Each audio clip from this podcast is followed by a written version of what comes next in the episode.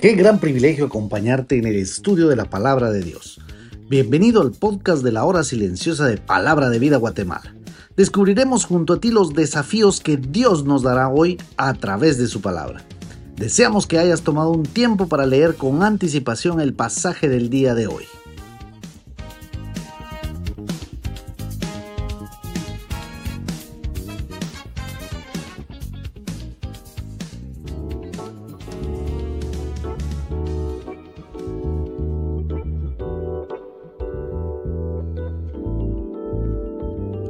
Te saluda Ronnie Ajín y nuevamente te doy la bienvenida al comentario de la hora silenciosa de Palabra de Vida, Guatemala. Hoy estaremos meditando en el capítulo 6 del libro de Josué de los versículos 1 al versículo 11. La Biblia dice así. Ahora, Jericó estaba cerrada, bien cerrada a causa de los hijos de Israel. Nadie entraba ni salía. Mas Jehová dijo a Josué, mira, yo he entregado en tu mano a Jericó y a su rey con sus varones de guerra. Rodearéis pues la ciudad todos los hombres de guerra, yendo alrededor de la ciudad una vez, y esto haréis durante seis días. Y siete sacerdotes llevarán siete bocinas de cuernos de carnero delante del arca, y al séptimo día daréis siete vueltas a la ciudad, y los sacerdotes tocarán las bocinas y cuando toquen prolongadamente el cuerno de carnero, así que oigáis el sonido de la bocina, todo el pueblo gritará a gran voz, y el muro de la ciudad caerá. Entonces subirá el pueblo cada uno derecho hacia adelante. Llamando pues Josué, hijo de Numa, a los sacerdotes, les dijo, llevad el arca del pacto, y siete sacerdotes lleven bocinas de cuerno de carnero delante del arca de Jehová. Y dijo al pueblo, pasad y rodead la ciudad, y los que están armados pasarán delante del arca de Jehová. Y así que Josué hubo hablado al pueblo, los siete sacerdotes, llevando las siete bocinas de cuerno de carnero, pasaron delante del arca de Jehová y tocaron las bocinas, y el arca del pacto de Jehová lo seguía. Y los hombres armados iban delante de los sacerdotes que tocaban las bocinas y la retaguardia iba tras el arca mientras las bocinas sonaban continuamente. Y Josué mandó al pueblo diciendo, Vosotros no gritaréis, ni se oirá vuestra voz, ni saldrá palabra de vuestra boca hasta el día que yo os diga. Gritad, entonces gritaréis. Así que él hizo que el arca de Jehová diera una vuelta alrededor de la ciudad y volvieron y luego el campamento y ahí pasaron la noche. Este capítulo es muy emocionante porque narra cómo el pueblo de Israel toma la ciudad de Jericó, una ciudad que según los historiadores sus muros medían más de 5 metros de altura y su ancho era más de 3 metros. Sin lugar a dudas, Josué estaba esperando este gran momento en que vería la mano de Dios expuesta para todos. Ya el pueblo había contemplado cómo las aguas del Jordán se habían detenido y los pueblos en derredor del Jordán estaban asustados del Dios de Josué. El capítulo 5 nos narra sus últimos versículos que Josué se encuentra con el príncipe del ejército de Jehová y espera su dirección, a lo cual le dice que el lugar en el que él está parado es santo. La santidad juega un papel muy importante en la vida de Josué. Sin lugar a dudas, esta debiera también hacerlo en nuestras vidas. Es así como en el primer versículo del capítulo 6 empieza narrándonos cuál era la condición de la ciudad de Jericó. Estaba cerrada y el escritor es bien enfático en recalcarnos bien cerrada. ¿Por qué causa? Bueno, ya el capítulo 5 nos ha dicho que cuando los reyes de Canaán se enteraron de cómo el río Jordán se había detenido y luego cuando ellos pasaron siguió su cauce, dice el capítulo 5.1 que se asustaron y desfalleció su corazón. Así que Jericó cerró bien sus puertas pensando que esto los iba a salvar.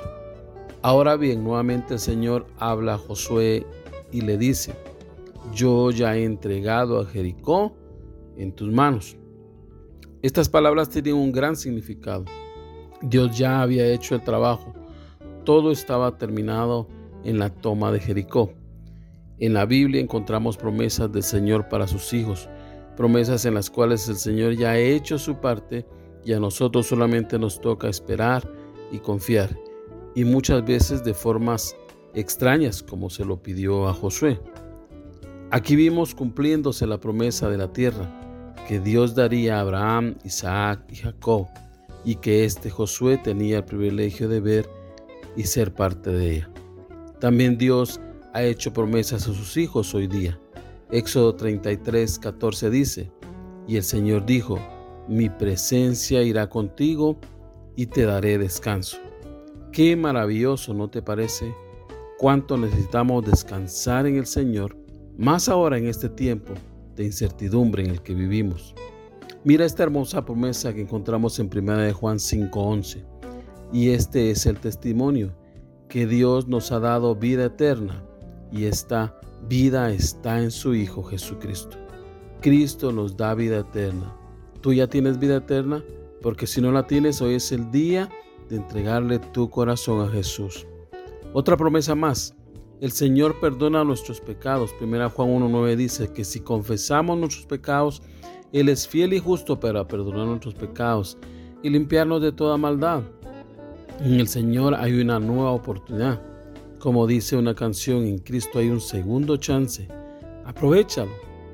Pero ve también esta hermosa promesa que encontramos en Filipenses 4:19 que dice, mi Dios pues suplirá todo lo que os falta conforme a sus riquezas en gloria en Cristo Jesús.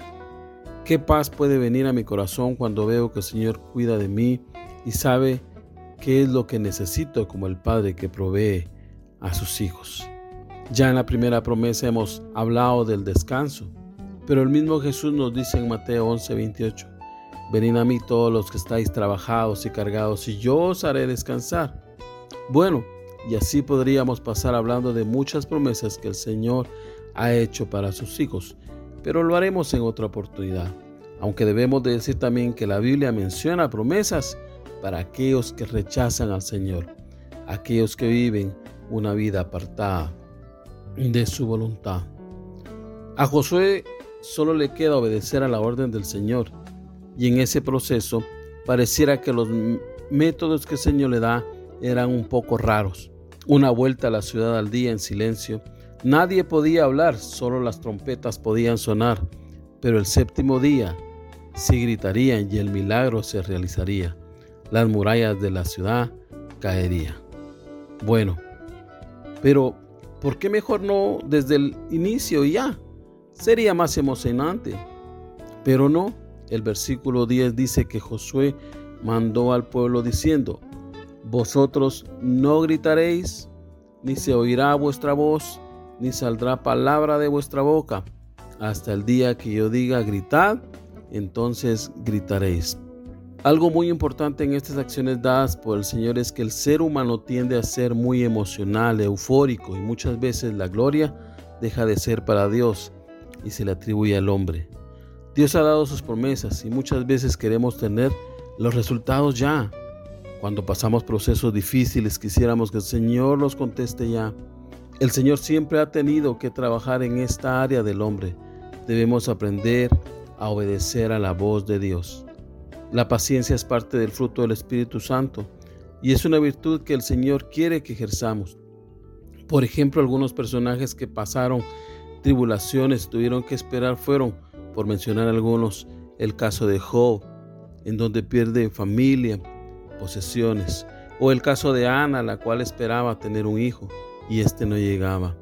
Abraham y Sara, Dios les prometió un hijo y en un momento de sus vidas dijeron, no, Dios no nos dará nada. Pero Dios no es un hombre para olvidar, no es un hombre para fallar, Dios es un Dios de promesas, las cuales cumple. Si tú quieres ver algunos ejemplos más, ve al libro de Hebreos capítulo 11 y este te enumerará muchos casos. Así que mi querido escucha, tú haz tu parte, solamente esfuérzate y sé valiente y confía en el Señor. Por eso vívelo. Josué es un hombre el cual podemos imitar su carácter, su confianza en el Señor y su buen oído para actuar obedientemente a la voz del Señor. No te desesperes Escucha la voz de Dios, lee su palabra, habla con Dios y cuéntale todo lo que tú sucede. Pero sobre todas las cosas, obedece a su voz. Debemos notar también que las promesas de Dios no son caprichos antojadizos que Dios está obligado a cumplir al hombre. Muchas veces la respuesta será sí, otras no y otras se formarán en la espera, en el tiempo.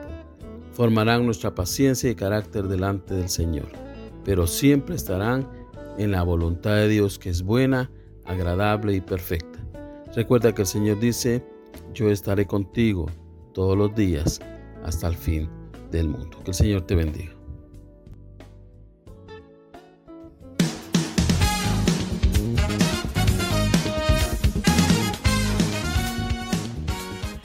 Es emocionante saber los tesoros que Dios tiene en su palabra para nosotros.